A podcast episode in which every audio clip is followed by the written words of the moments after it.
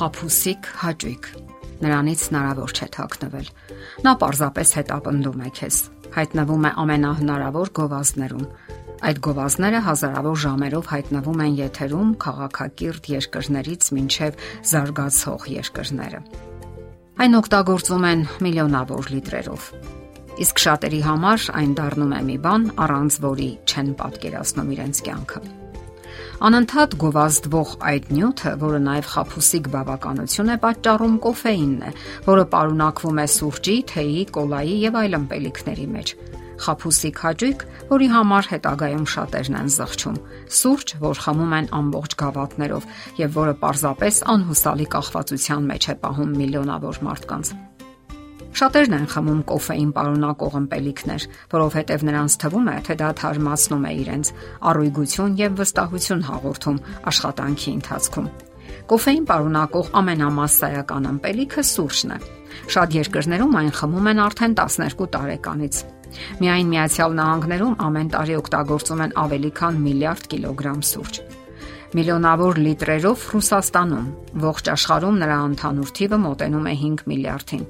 5 միլիարդ կիլոգրամ թույն։ Իսկ ամեն ինչ այնքան անմեղ էր թվում։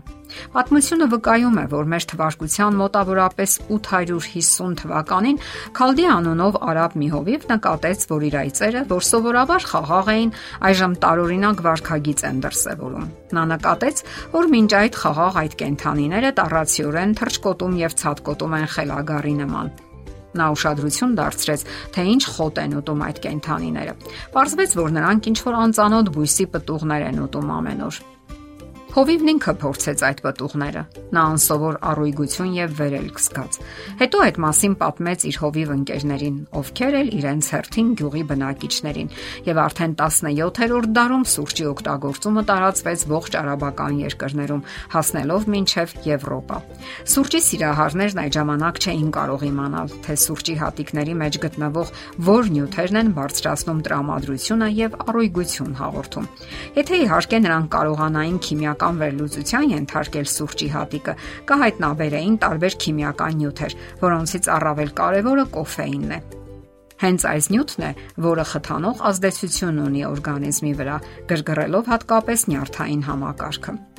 Ուրեմն այսպես, կոֆեինը թմրանյութ է, որ պատկանում է քսանտինների ընտանիքին։ Այդ դասին են պատկանում նաև թեոֆիլինը եւ թեոբրոմինը։ Սակայն թեյի եւ շոկոլադի մեջ պարունակվող այս նյութերը կոֆեինից զգալիորեն տարբերվում են իրենց կառուցվածքով եւ կենսաբանական ֆունկցիաներով։ Քիմիական կազմով այդ թմրանյութերը շատ նման են իրար, սակայն միանգամայն տարբեր ֆիզիկական ազդեցություն են գործում օրգանիզմի վրա։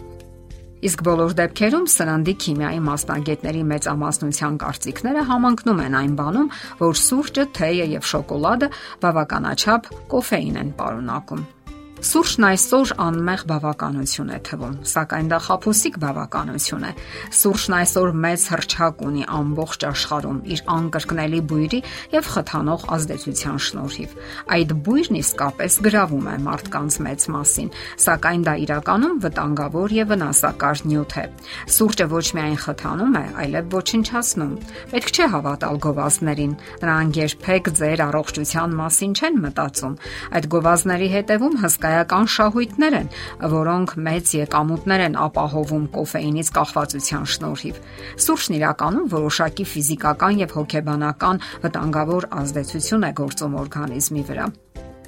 Առաջին հայացքից թվում է, թե կոֆեինը բարձրացնում է տրամադրությունը, հանում է հոգնածությունը, նվազեցնում գլխացավը, գրգռվածությունը, նյարդայնությունը, սակայն այդ արդյունքները մեծ massամբ պատրանքային են կամ էլ պարզապես մի պահ հեռացնում են իրենցից կախվածության հետևանքները։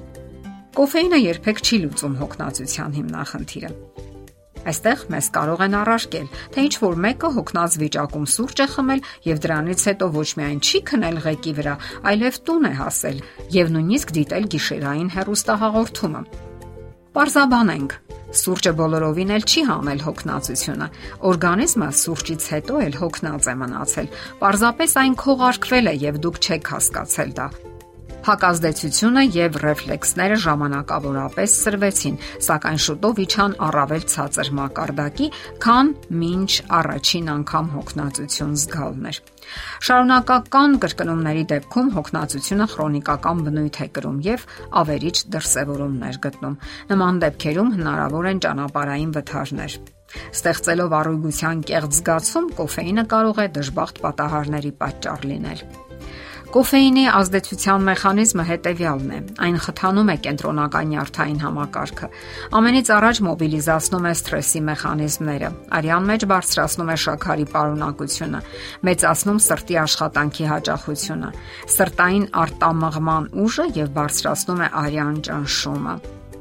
Այն ստիպում է երիկամներին արտադրելու ավելի շատ մեզ, ինչպես նաև հաճախացնում է շնչառությունը։ Ինչի շնորհիվ է այդ բոլորը տեղի ունենում նարկոտիկ թմրանյութային ազդեցության շնորհիվ։ Կոֆեինը մեզ չի տալիս ոչ կալորիաներ, ոչ սննդանյութեր եւ ոչ էլ վիտամիններ։ Նրա ազդեցությունը հիշեցնում է հալածված ձիու մտրակահարություն։ Որտեղից է հոգնած ձին ուժ գտնում շարունակելու իր ճանապարհը։ Իր pašարներից, որից հոգնած կենթանին արդյունքում ավելի է ուժասպառվում։ Եվ այսպես ամբողջ տարիներ հոգնածության եւ շատ լուրջ կախվածության, ինչև մի օր վրա է հասնում խափուսիկ հաճույքի հանգուցալուծումը։